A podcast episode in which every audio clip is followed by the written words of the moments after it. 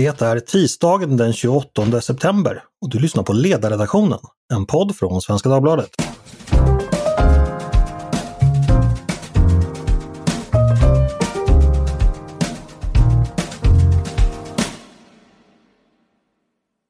I mitten av 2010-talet var författaren och forskaren Ann Heberlein en uppburen kulturarbetare. Hon skrev i de stora tidningarna, gavs ut på de stora förlagen, undervisade på Lunds universitet och bjöds in i alla de där fina sammanhangen. När några år senare, samma decennium gick mot sitt slut, hade hon förlorat allt detta. Det kulturella, sociala och ekonomiska kapitalet var borta. Det är i korthet storyn i boken Fallet, skriven av Ann Heberlein om Ann Heberlein, som kom ut tidigare i höst. Ni har säkert hört talas om både den och Ann tidigare. Vi ska se om vi kan borra lite djupare i de teman som boken tar upp idag. För med mig i dagens podd har jag nämligen Ann själv. Välkommen hit! Tack så mycket! Min första fråga har egentligen kanske inte riktigt med ditt case att göra, men jag är ändå nyfiken.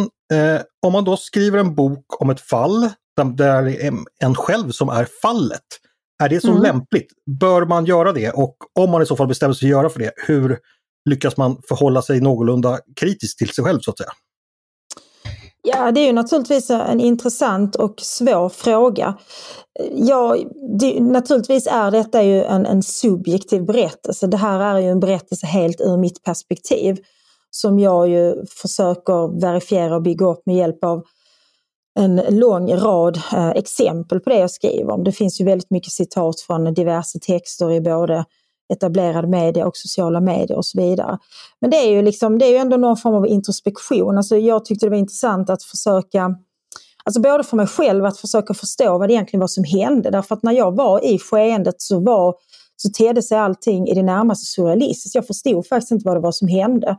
Eh, men jag ville också genom att beskriva ett individuellt människoöde, alltså mitt eget, så ville jag försöka beskriva en tid och en tidsanda som eh, var och är väl fortfarande väldigt märklig måste jag säga. Jag har ju arbetat så i tidigare böcker också faktiskt. När jag skrev min bok om Hanna Arendt, utan några som helst eh, jämförelser mellan mig och Hanna Arendt naturligtvis.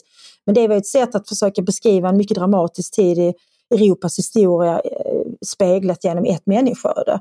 Och nu så tar jag liksom ett mindre grepp, det handlar ju om färre år naturligtvis, men det är en tid som jag tycker är värd att dokumentera och fundera över hur det ser ut och, och varför. Sen är den ju med nödvändighet eh, introspektiv och subjektiv för att jag beskriver ju också eh, hur det här skeendet påverkade mig och det var ju den fråga jag ställde. Alltså hur påverkar det egentligen en människa att, att under en relativt lång tid, som man får säga att två år är, det är den tid jag skildrar, utsättas för upprepade drev och påhopp och konstrueras som ond, eh, galen, eh, brun, fascistisk och så vidare. Det var ju den sortens eh, värderingar om min karaktär som jag levde med under ganska lång tid.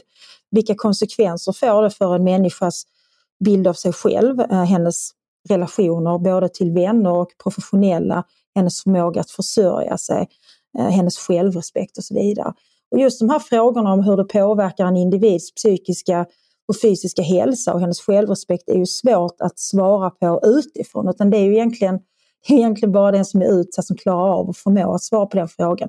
Så man får ju läsa redogörelsen så, eh, som en, en subjektiv beskrivning av ett, av ett skeende som ju också kan utsättas för en objektiv bedömning naturligtvis. Okej, okay. Du berör en rad teman. Vi kommer komma in på dem senare. En första fråga bara. Du beskriver ju själv då att när det väl inträffade, då var de här händelserna närmast surrealistiska, de var svåra att förstå. Eh, och det, det låter som en väldigt obehaglig upplevelse, närmast mardrömslik, där liksom logik bryter samman. När du går tillbaks några år efteråt, tittar på dokumentationen som finns, eh, vad som har skrivits, förstår du det bättre då när du liksom sitter med några års distans vad det är som egentligen händer? Eller framstår det fortfarande som lika surrealistiskt? Alltså både och får jag väl säga för att jag har gått ganska systematiskt tillväga för att när jag var i skeendet så undvek jag att läsa det som skrevs om mig. Eh, jag lät min man läsa de texter som skrevs om mig och bad honom avgöra om jag behövde läsa om jag kunde göra något åt. Och väldigt ofta var det ju så att jag menar, om det skrivs en text om att jag är nihilist på Dagens Nyheters ledarsida så är det mycket svårt för mig att gå i polemik med det. Eh, det hjälper inte mig så mycket. Så att en hel del av det som skrevs läste jag för första gången nu. Men när jag befann mig i det skeendet så kändes det som att allting rasade samtidigt och det gick, det gick väldigt fort. Um, under den här perioden, precis i början av den här perioden, för jag beskriver ju åren 16, 17 och så fram då till, till 18 slut, så pratade jag med Petra Östergren som är en god vän som ju var med faktiskt om något liknande fast mycket tidigare. Petra var ju en mycket eh, uppburen person eh, och älskad av den feministiska rörelsen efter att ha skrivit, hon hade introducerat självförsvar för kvinnor i, i Sverige och hon skrev om eh, det brutala mordet på sin mamma och så vidare. sen skrev hon en text där hon ifrågasatte varför hur kan det vara så att man, man tycker att eh, homosexuell pornografi är okej okay, men inte heterosexuell? Och varför pratar man inte om eh, våld i samkönade och så vidare. Liksom hon ställde en rad frågor till den feministiska rörelsen och då, liksom hennes liv rasade väldigt fort. När hon förlorade både inkomst och uppdrag och människor vände henne ryggen och det började konstrueras olika idéer och rykten om hennes person. Och det var väl det som hände mig också.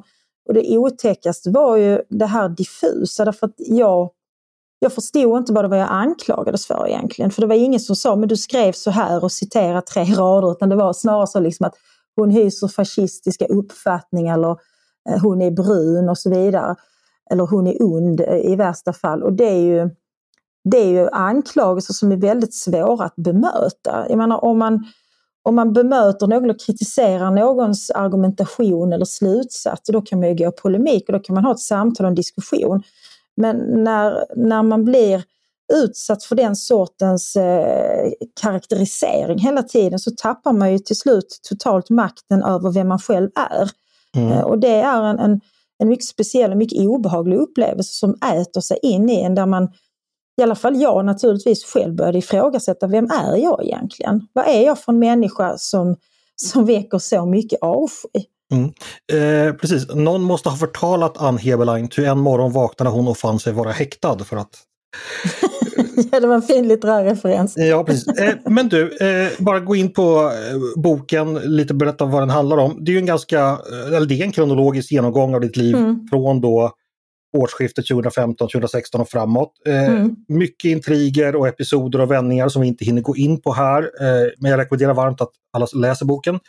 Jag tänkte bara undra, finns det någon episod från det här nu förutsätter jag att, att lyssnarna har, har hygglig koll på vad som har hänt under de här åren, det tror jag de flesta har. Mm. Men finns det någon episod från de här åren som du tycker är extra värd att lyfta fram? Om du bara får välja en där liksom, så att säga, det centrala i din berättelse blir, blir tydligt. Vad skulle du välja då? Jag tror att jag skulle välja, det finns en ganska så faktiskt lustig kan man väl säga scen från eh, min medverkan i eh, det numera saligen avsomnade debattprogrammet Opinion Live. Eh, där jag bjöds in. Jag var ju en ganska ofta förekommande gäst i det programmet. Men just det här programmet var nog det mest, det märkligaste jag varit med om i den vägen. Jag bjöds in för att debattera den här tillfälliga gymnasielagen som, som skulle, skulle baxas eh, i mål då så att säga. Och så fick jag veta att även Paula Bjäller skulle vara med och Paula och jag hade ju samma inställning i frågan så att säga. Och jag tyckte det var lite underligt för jag tänkte ska vi för en gång skulle vara två mot en? För jag var van vid att om jag skulle diskutera tiggeriförbud så var det tre som var emot mig och jag skulle ensam och så vidare. Liksom. Mm. Paula Bjäller är Sverigedemokratisk riksdagsledamot ska vi bara skjuta ja, hon in här. Var. Hon, hon hoppade var, av, ja. Eh, det är väl ett och ett halvt år sedan Paula mm. lämnade politiken. Mm. Men, men eh, Sverigedemokraterna och Moderaterna hade ju i princip samma hållning i frågan då, att man ville inte särbehandla en grupp, man tyckte inte att det var rättssäkert och så vidare. Eh, men så kommer jag dit och det visade sig att hela studion är ju fylld av allt ifrån liksom Mikael Wiehe som sjunger en liten trudelutt eh, om flyktingbarn, Regina Lund som pratar om kosmisk kärlek och behovet av att sudda ut alla gränser i hela världen. Det var en livesändning från Mynttorget där eh, det pågick en, en strejk och där fanns också ett antal politiker på plats. Och sen så fanns Fateme Kavari som ju var en ledargestalt i den rörelsen. Hon var också där. Och det var liksom ett otroligt mischmasch av eh, av väldigt starka känslomässiga utspel. Jag väl tyvärr också gjorde mig skyldig till känslomässiga utspel för jag blev väldigt provocerad av, av eh, Alex Bengtsson som då representerade Tillsammanskapet. Eh, han har ju en bakgrund i rörelsen Expo eller vad man nu ska kalla det, medieplattformen Expo. Och han, han vrålade upprepade gånger att jag och Paula var fascister. Eh, programledaren hade ingenting att invända mot det. Alltså det var en totalt urspårad diskussion som på många sätt sammanfattar hur, hur debatten och diskussionen ser ut de åren. Det vill säga att det var väldigt liksom en, en, en i det närmaste eskatologisk stämning där tillvaron betraktades nästan som en kamp mellan ont och gott och det var livsavgörande att då eh, den goda sidan, vilken ju då representerades av Mikael Wiehe, Kavari, Regina Lund, Alex Bengtsson och flera andra, skulle på något vis nedkämpa mig och Paula. Eh, och sen hela liksom den här uppslutningen från både eh, kultursverige, från politiken, från någon slags eh, civil rörelse och så vidare. Um, det, det ligger ute, det finns klipp på Youtube. Så att om man vill påminna sig om hur det var de åren så kan man titta på det klippet därför att jag upplever nog att en viss tillnyktring har faktiskt skett i debatten och det tycker jag är väldigt bra där vi försöker i alla fall beröra ämnen mer utifrån någon slags vad ska vi säga, faktabaserad argumentation där vi många av oss anstränger oss för att bidra med, med mer förnuftsbaserade argument och inte bara känna hela tiden. För det var oerhört mycket känslor.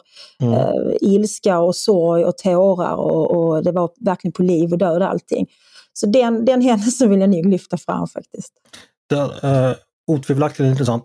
Jag skulle dock vilja uh, fundera eller invända lite över den här kronologin du har. Mm. För att du kom ju trots allt in i diskussionen det var ju 2016, då är det ju efter flyktingkrisen. Det är ju efter den här stora vändningen. Jag mm. har ju då som eh, medverkande i olika tidningar och som opinionsbildare då visserligen inte framträdande men ändå i kulisserna kunnat följa den här frågan mm. sedan långt, långt tidigare. Och jag skulle säga att för, för det är lite en sak jag ifrågasätter, du verkar liksom, du beskriver dig själv som väldigt ovetande och nästan lite naiv över situationen mm. när du liksom kommer in här 2015-2016. Men då hade ju så att säga kulturkriget rasat i ett decennium och liksom redan krävt sin tribut och offer. Jag skulle nog säga att hösten 2015 är väl då när tillnyktringen börjar. Jag förstår att det inte var så i den del mm. av världen du såg, mm. men ändå så, så, ja, Den korta meningen jag vill komma fram till frågan här, alltså, var du inte lite naiv när du liksom klev ut i, i de här kontroversiella frågorna och inte förstod hur mycket laddning mm. som fanns, och vilka skyttegravar som redan fanns och vilka olika krafter du skulle kunna associeras med? Eller hur tänker du på det så här i efterhand? Jag var oerhört naiv. Eh, jag förstod faktiskt inte riktigt att det pågick ett kulturkrig. Eh, jag hade en, en, får man väl säga, väldigt privilegierad position i svensk offentlighet då, där jag skrev för DNs kultursida, gav ut böcker på Bonniers och fick eh, liksom diverse uppdrag för public service och så vidare. Jag hade ju framförallt drivit frågor Alltså, dels så såg jag mig absolut inte som opinionsbildare. Alltså jag, jag, jag var inte intresserad av partipolitik överhuvudtaget. Eh, läste sällan ledarsidor får jag väl erkänna, utan jag var intresserad av ett antal frågor då, eh, bortom eh, den litteraturkritik och essäer och så vidare som jag också skrev. Och det handlade framförallt om sexuellt våld som är en fråga som jag har skrivit om sedan 2002 och också angripit som forskare på olika sätt. Och sen så hade jag ju, alltså åren innan 15-16 hade jag ju framförallt egentligen skrivit om psykisk ohälsa. Och det var ju en konsekvens av den bok jag kom med, eh, det var väl 2008 eller 2009, Jag vill inte dö, jag vill bara inte leva. Mm. Och i den boken så beskriver jag min egen ångest och mina egna självmordstankar. Och det präglade ju bilden av mig i offentligheten väldigt mycket. Att där var jag ju ett offer. Eh, och det finns ju få saker som ger dig så mycket makt och så mycket, vad ska vi säga, så mycket frikort som att vara offer. Om du är ett offer i någon mening i svensk offentlighet så kommer du undan med väldigt mycket. Du blir väldigt svår att kritisera. Eh, så jag var nog van vid att jag kunde ta upp det mesta eh, och komma undan med det. Jag trodde att jag hade en position där jag skulle kunna skriva en text som den om Köln där jag hänvisade till till exempel statistik från Brottsförebyggande rådet som visar en överrepresentation av män från eh, Mellanöstern och Nordafrika när det gäller just sexualbrott utan att misstänkliggöras. För jag trodde att bilden av mig som en, som en pålitlig förkämpe för eh, humanistiska värderingar och människans värde och rättigheter och så vidare var så cementerad. Så det kom faktiskt som en överraskning för mig. Men å andra sidan hade ju inte jag ska vi säga, jag hade inte berört frågor som hade någon slags bäring på migrations och integrationspolitik på det sättet tidigare. Jag hade ju en lärobok som kom 2005 skrivet om just det samband som jag precis nämnde, alltså den här olyckliga överrepresentationen vid sexualbrott. Mm, och då var det ju ingen som hade protesterat, men det hade ju hänt väldigt mycket mellan 2005 och 2015-16. Um, som gjorde att det plötsligt var omöjligt att diskutera sådant som skulle kunna vad ska vi säga, underblåsa fördomar och rasistiska föreställningar. Alltså många skribenter hade väl hamnat i det som man då populärt kallade för en målkonflikt, det vill säga att man stod för både liksom antirasistiska värderingar men också, ville också eh, diskutera och lyfta frågor som skulle leda till, till eh, att våldtäkt och sexuellt våld minskade. där blev det liksom någon slags konflikt. För jag tyckte det var ganska intressant under de åren att notera att de eh, debattörer som hade byggt väldigt mycket av sitt opinionsbildande på att bedriva feministiska frågor eh, som till exempel Katarina Wenstam och Maria Sveland och några till, de var ganska tysta de åren när våldtäkterna faktiskt ökade ganska mycket i den svenska kontexten. Ehm, och där många av oss nog trodde att det hade med en, en, eh, en kraftig invandring av män från just de här länderna att göra. Mm. Eh, och Brå vill ju inte längre ange ursprungsländer och sådär. Så det var en fråga som var extremt infekterad. Jag mitt engagemang i den frågan handlar hänger ihop med att jag själv blev våldtagen som ganska ung, mm. vilket jag har skrivit väldigt mycket om. Så jag, jag kan inte säga att jag kalkylerade med det, men, men intuitivt trodde jag nog att jag som en våldtagen kvinna skulle ha någon slags trovärdighet i den frågeställningen. Men istället så konstruerades jag som en rasist. Alltså, mm.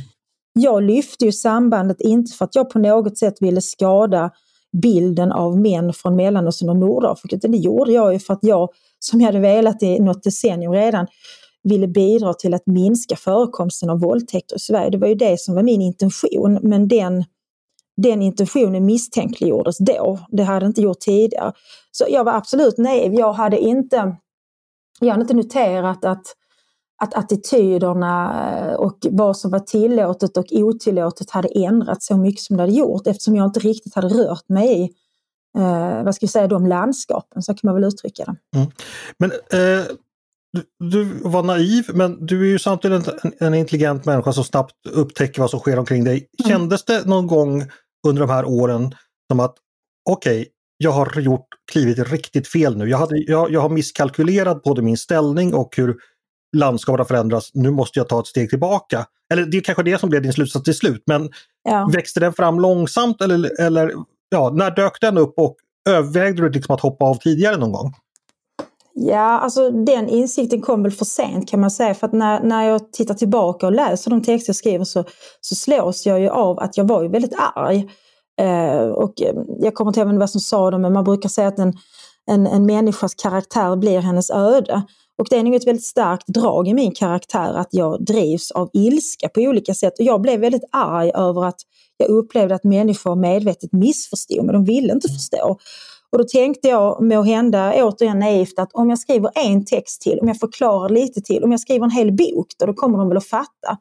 Men det gjorde de ju inte utan varje text jag skrev eh, gjorde ju bara att jag sjönk liksom lite längre ner i det där träsket på något vis. Att det, när, sitter man fast i något sånt här i gyttja så ska man, ska man inte eh, vifta för mycket utan man ska vara stilla. För ju mm. mer du liksom viftar och har det desto längre ner sjunker du. Det var ju det som hände mig. Sen så var det så att, att det gick ju väldigt fort från att, att mitt rykte blev skamfilat till att jag förlorade i princip alla mina eh, frilansuppdrag. Eh, och det som väl gjorde mest skada rent ekonomiskt det var ju den sorts aktivism som innebar att eh, människor ringde runt till kommuner eller regioner, församlingar och så vidare som hade engagerat mig som föreläsare. För det var en ganska stor bit av mina inkomster på den tiden. Mm. Jag kunde ta, jag kunde fakturera ganska mycket för att komma och föreläsa en och en halv timme någonstans. Eh, man blir inte så rik på att skriva liksom litteraturkritik eller kolumner i tidning, men sådana sammanhang kan man, kan man eh, få in en del pengar på. Och då började jag, eh, jag började bli avbokad och till slut blev jag inte bokad alls för att det spreds liksom någon slags idé om att Ann Heberlein kan man inte använda. Och egentligen så visste ingen, för jag frågade naturligtvis när de här ganska alltså brydda och generade människorna ringde, för det var väldigt obekvämt också för en arrangör som hade, hade skrivit liksom någon slags avtal med mig och engagerat mig, var tvungen att ringa och säga att ja, vi måste tyvärr avboka det för att det har inkommit protester. Och då frågade jag ju vad var det för protester? Och då var det alltid något diffust med att eh, nej men eh, du har gjort vissa uttalanden som strider mot vår kommuns värdegrund eller något sånt. Och så frågade jag, men vad är det för uttalande? Det, här, det hade de aldrig några exempel på. Mm. Eh, och det blev väldigt svårt, eh, för det gick ju inte att bemöta det då. Men det där, det där gick ju väldigt fort och det gjorde ju att Alltså jag försökte väl både på något vis eh, rädda min heder, rädda liksom mina inkomster. Ehm, men också faktiskt drevs jag av en vilja, av en drift att faktiskt förklara. För jag tyckte att det var viktigt, det jag skrev. Nu i efterhand är det lite svårt att förstå det för nu har jag nog man kan nog säga att jag är tämligen desillusionerad. Jag, jag, jag har väldigt liten tilltro till, eh, till både opinionsbildning och politik. Alltså jag, jag har väldigt liten tilltro till att det går att förändra ett skeende som är satt i rullning. Så jag, nu i efterhand kan jag väl tänka att, att det jag skrev gjorde ju faktiskt ingen skillnad. Vilket är slutsatsen jag drar i min bok också. att Det jag åstadkom de åren med alla de hundratals texterna, det var egentligen bara att rasera mitt liv. Därför det handlar inte bara om mitt yrkesliv. Alltså min, min identitet var ju så intimt förknippad med vad jag gjorde. Att jag var författare, eh, jag var skribent. Och det togs ifrån mig och det måste jag säga att det har varit eh, det har varit den största sorgen, att jag inte längre riktigt har den starka identiteten. Så det famlar jag väl efter fortfarande. Ja, en reflektion här. Eh, mm. Jag tror ju att det du skrev hade, hade betydelse, jag vet inte exakt hur. Men det du beskriver låter lite som när den här, nu menar jag inte att låta förminskande, men en ungdomsförbundare från som åker till sin första partikongress och känner att nu ska jag förändra allting för jag har ju rätt och jag ska tala inför... och då kommer alla rösta på mig och inse... Och sen går det som det går på partikongressen att det är uppgjort i utskott och man kan inte... Mm. Det här med ideologi och man ropar ut om liberalismen eller socialismen mm. eller vad det kan vara. Det betyder ganska lite i sammanhanget för det finns peng, eh, budgetposter som måste gå ihop och det finns vänskapsband och så här. Så åker man hem desillusionerad och hoppar av en del. Vilket jag skulle säga då kanske där du befinner dig nu. Medan andra biter ihop att fan jag ska lära mig spela det här spelet, åka till nästa partikongress, få igenom nästa saker och sen 20 år senare själv sitter vid köttgrytorna och är den som gör andra ungdomsförbundare besvikna. Mm. Så att du, du beskriver att du upptäcker politik och så här i ganska mogen ålder där du redan har en stark position i en helt mm. annan sektor. Mm. Gå på pumpen. Men det kanske är så att det helt enkelt krävs många, många fler försök för att liksom Förstår du vad jag är ute efter? Lite här? Jag förstår precis och jag tycker det är så intressant det du säger för att i samband med allt det här så, så valde jag att kandidera för Moderaterna till riksdagen. Mm. Och där var lite slumpmässigt också, jag beskriver det i boken. Alltså jag, jag var, eh, nu, nu, ska man inte förstå detta som, som liksom någon slags starkt avståndstagande från Sverigedemokraterna. Jag är inte Sverigedemokrat, jag har aldrig varit Sverigedemokrat. Och jag var väldigt irriterad på att ständigt bli liksom etiketterad som Sverigedemokrat. Precis som jag hade blivit irriterad om någon hade etiketterat mig som socialdemokrat eller något annat, för det är inte jag. Ehm, och så pratade jag med min goda vän Jenny Sonesson om det och hon skulle då moderera eh, hon, vi skulle ha ett samtal inför releasen av min bok Den banala godheten. Så sa Jenny, ja, men ska vi inte göra så att jag frågar dig om du inte ska engagera dig politiskt, vilket parti det så, så, så säger de något annat än Sverigedemokraterna så blir du av med den diskussionen. Och det tyckte jag var en jättebra idé. Så, så då sa jag bara helt impulsivt, Nej, men jag kan tänka mig att engagera mig politiskt. Det skulle vara jätteroligt att kandidera till riksdagen. Och så frågade hon vilket parti det är. Och så hade jag någon utläggning att jag hade reflekterat över KD och L men att jag hade landat i Moderaterna då av olika anledningar. Sen så nästa morgon, eh, jag och min man satt och åt frukost på hotellet, så ringer telefonen och det visade sig vara en lokalreporter från Kristianstadsbladet som hade eh, av en slump sett den här livesändningen som streamades på nätet eh, och att jag ville kandidera. Då hade han raskt ringt upp Carl-Johan Sonesson i Skåne och frågat, ja Ann Heberlein sa att hon vill kandidera för Moderaterna, vad säger du om det? Och då hade Carl-Johan sagt, ja men det är ju jätteroligt. Mm. Och då var nomineringstiden redan ute, så det här var inte förankrat någonstans. Men Christian Sonesson, Carl-Johans bror, som då satt i nomineringskommittén för den valkrets som jag bodde i då, Lund södra, såg till att jag ändå kom med på listan och fick vara med i provvalet. Och det är ju, alltså det ter sig, nu jobbar jag ju som kanslichef för Moderaterna i Region Skåne och vi har ju precis vi är mitt inne i provvalet. Eh, det har varit ganska blodigt eh, med obehagliga kupper på olika sätt. Ehm, och nu ter sig ju mitt agerande som helt vansinnigt och, och mer än lovligt naivt. För det skapade naturligtvis väldigt mycket turbulens och, och eh, vad ska vi säga, ont blod att jag kom in från från vänster på det sättet och bara liksom kom in på en lista. Sen gick det ganska bra i provvalet. Men ja, precis. Här hade, här hade folk kokat kaffe i, i fyra år och lärt känna folk. Och så kommer någon kändis. Ja. Så kommer någon kändis och säger så. Så det är klart att jag nu när jag har, man får säga att under de här åren så har jag ju det har ju varit väldigt jobbiga år på många sätt men det har också varit väldigt lärorikt. För jag har ju lärt mig en helt ny kontext. Jag visste ingenting om politik men det har jag ju fått lära mig nu. Men jag är som den första ungdomsförbundaren som du, du, du gestaltade där eller eh, målade upp. Att jag blev liksom så besviken på hur Nej, men det, är väl, det är väl Winston Churchill som säger det där att man vill inte veta hur man gör korv och politik. Ja, det, är, det är Bismarck faktiskt. Men, det är Bismarck, förlåt. Det kunde varit Churchill. Vad bra att du är mer bildad än jag. Men jag håller med Bismarck där, att man vill inte veta vad som finns i korven och man vill inte se liksom bakom kulisserna i politiken. Nej.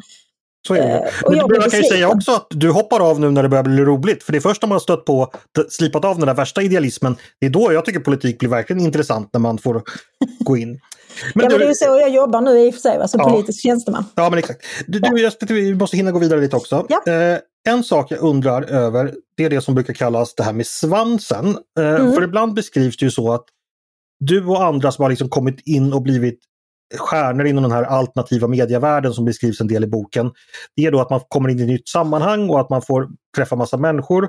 Och det finns ju då i Sverige en grupp vad ska man kalla dem, fans som skriver mm. om, in, som, som är fans till, skriver om invandring eller Sverigedemokraterna eller kulturkrig. Då får du fans av en grupp mycket engagerade människor som är väldigt sammansvetsade och som mm. kan väl gemensamt sammanfattas med att de har ett anti-establishment perspektiv som är väldigt starkt och en identitet som bygger på att ja, de, kan, de, de kan skilja sig ut andra, om andra åsikter men de ser sig själva liksom som fritänkare, som att de står vid sidan om hur, din, hur, såg din relation ut med den här svansen så att säga? Vad tänkte du om den då och vad tänker du om den nu?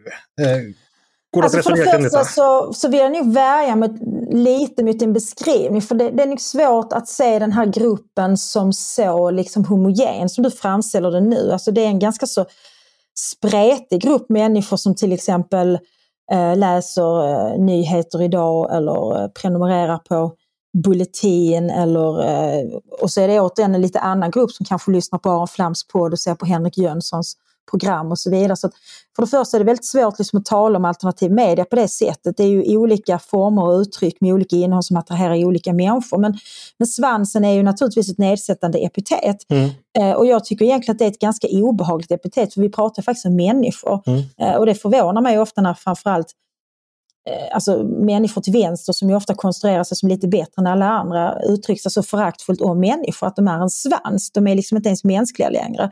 Men som jag förstår eh, ditt resonemang så handlar det om de som är rätt så, eller för att inte säga mycket högljudda, mycket aggressiva och som ofta går till angrepp. Och de svansarna finns ju både till höger och vänster. Mm. Och de kan ju vara väldigt nyttiga naturligtvis om man vill bygga upp eh, någon slags maktposition eh, i den meningen att om man har då en stor så kallad svans så kan man ju mycket snabbt och mycket effektivt få ut budskap på sociala medier om man har många som delar och så vidare. Och det är ju också individer som är beredda att ta strid för en om det hettar till och allt sånt där. Den sortens starka känslor, aggressivitet, ilska och så vidare väcker ju engagemang och leder kanske till att det blir ehm, en eller annan text i, någon kvällstidning om det hela. Men jag fann det väldigt obehagligt måste jag säga.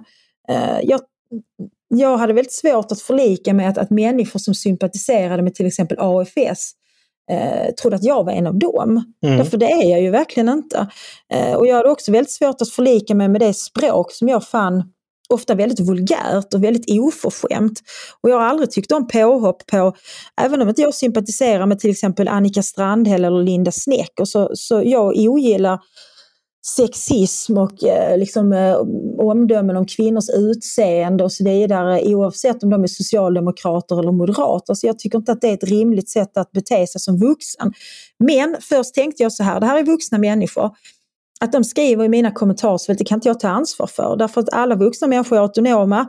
Eh, de får ta ansvar för det. Jag är inte deras mamma, jag är inte deras ordningsman. Men undan för undan så, så blev jag tvungen att byta uppfattning i den frågan därför att de skadade faktiskt mig. Därför även om jag ansträngde mig för att hålla liksom en, en rimlig ton och försöka argumentera på ett, ett behärskat och, och liksom respektfullt sätt så förknippades jag med de här människorna och därför kunde man kalla mig alltifrån liksom neandertalhöger till brunhöger och fiskmåshöger och så vidare.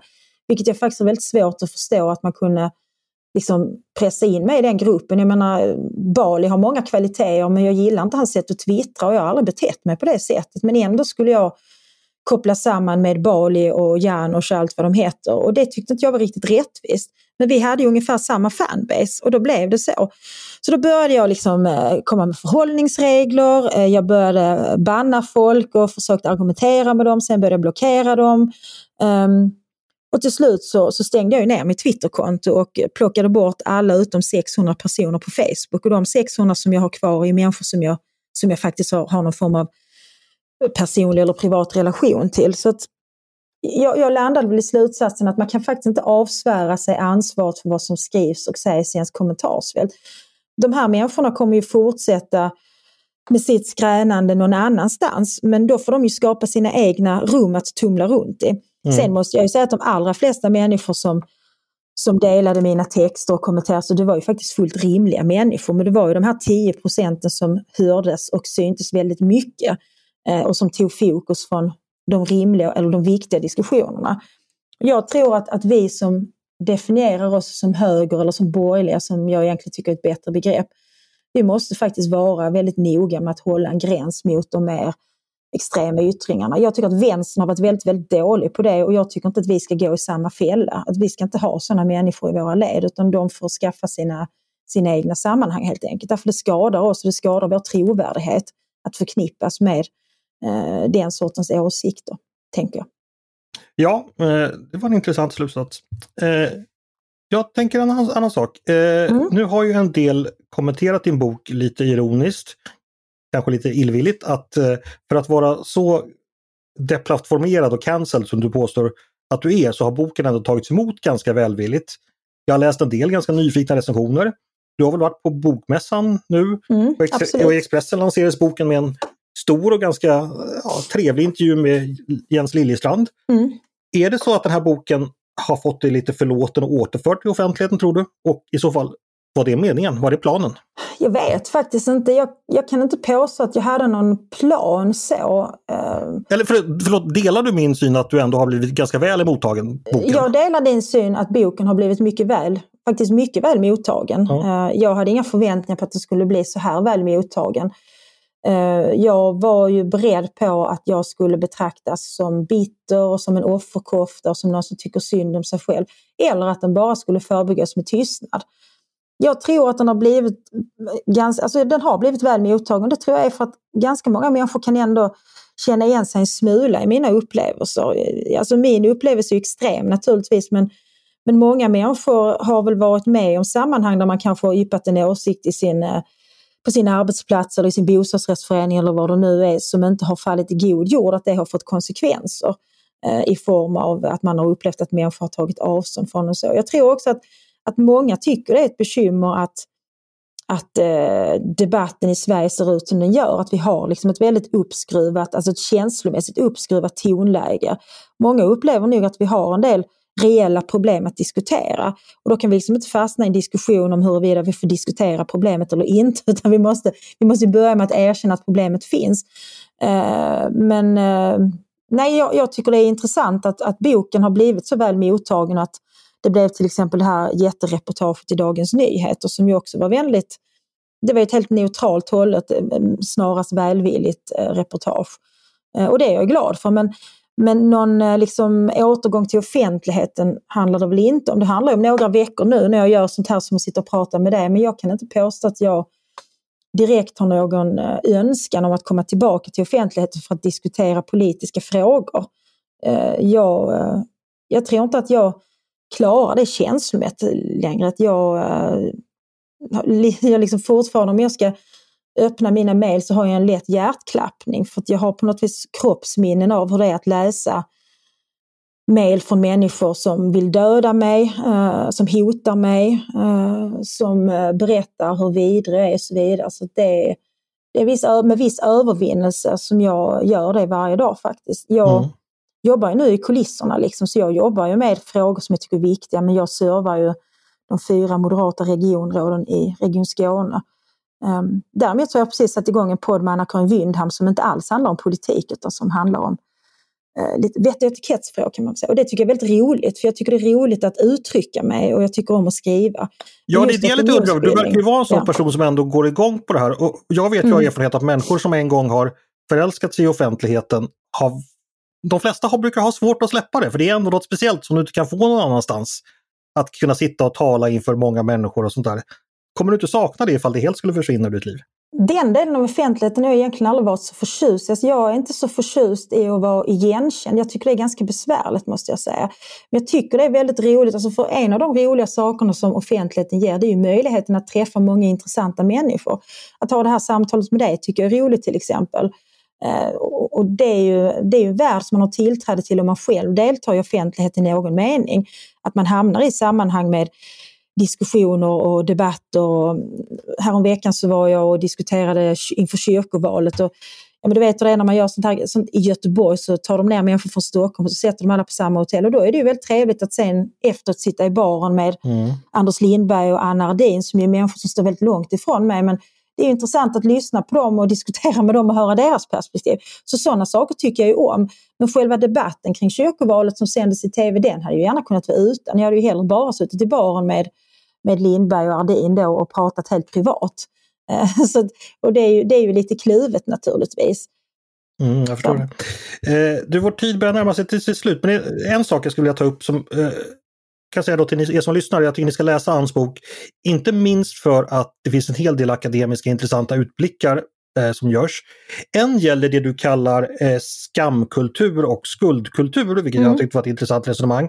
Mm. Kort sammanfattat då är att din tes då är att vi börjar övergå från en skuldkultur där vi liksom diskuterar vad människor gör och varför det är fel till en skamkultur där vi diskuterar vad människor är och varför det är fel. Och där vi då underkänner personen som helhet snarare än den enskilda gärningen. Och undankännandet får då extremt vittgående konsekvenser för individen för man, ja, man utplånas helt enkelt ur, ur gruppen. Kan du berätta lite mer hur du tänker kring det? Att, det? att vi är på väg åt det hållet, varför det är så och vad det får för konsekvenser? Mm.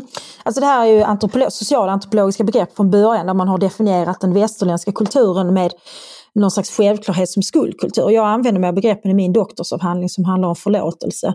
Eh, och då var det självklart för mig att Sverige var just en skuldkultur, det vill säga en, en kultur där individen och hennes handlingar stod i centrum och man påförde skuld i den mån man bröt mot en lag eller en regel. Det som är skillnaden är att i skamkulturen så är det snarare kollektivet och kollektivets heder som står i centrum eller som i fokus då och då handlar det inte om om regelbrott så mycket som brott mot värderingar och attityder. Eh, det handlar om att tappa ansiktet, det handlar om att inte leva upp till de ideal som finns. Och där tycker jag att vi har en tydlig förflyttning idag. Du beskrev det väldigt väl att istället för att definiera eller att kritisera människors handlingar så kritiserar man människan som helhet. Eh, och det är mycket svårare att, att, att eh, ska vi säga, försvara sig eh, i relation till det. Alltså om, du blir, om du blir klandrad för att du har har brutit mot en regel, du har underlåtit att göra något du skulle, då kan du, alltid, kan du be om förlåtelse och du kan upprättas. Men om du påför skam så det är mycket svårt att upprättas för den som skäms ställer sig inte upp och säger jag erkänner, jag skäms. Som man kan göra om man är skyldig. Va? När man är skyldig kan man säga jag erkänner, det var jag, förlåt mig. Och så kan man efter ett lämpligt straff då så att säga återbördas till gemenskapen. Men om vi tänker på hur vi har hanterat hela metoo-rörelsen där en lång rad män har då påförts skam så att säga. För eh, i vissa fall är det ju händelser som har varit klandervärda, i andra fall så är det ju händelser och anklagelser som är väldigt diffusa. Men oavsett liksom bevisläget så att säga så har det här fått enorma konsekvenser för de här männen. Man använder också skammen som ett, som ett vapen väldigt mycket för att få människor eh, att eh, att göra som man vill och det är ju liksom en klassisk definition av makt, att makt har den som kan få andra människor att agera i hans eller hennes riktning så att säga. Och det, det ser vi mycket i klimatdebatten som handlar väldigt mycket om att skamma människor, att man ska inte flyga, man ska inte äta kött, man ska inte ditten och datten.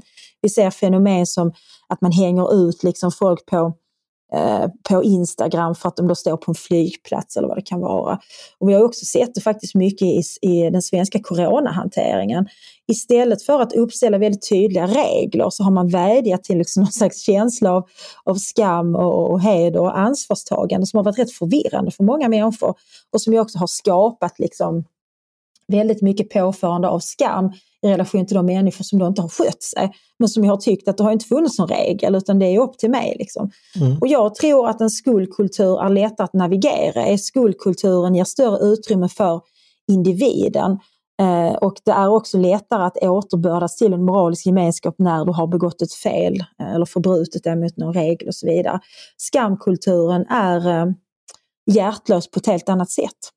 Så jag tycker det är en mycket olycklig utveckling. Ja, mycket, vi får nästan se det här mm. som kanske en prolog till en framtida podd ifall du skulle göra undantag för ja, att absolut. dyka upp. För att, jag, tycker det är väldigt, jag, jag tror definitivt du är någonting på spåren här och mm. eh, det finns då mycket, mycket mer att säga om det. Just nu är vår tid ute, så stort tack ja. Ann Heberlein för att du kom hit. Ja men tack så mycket, det var väldigt trevligt att tala med dig. Och tack till er som har lyssnat på Ledarredaktionen, en podd från Svenska Dagbladet.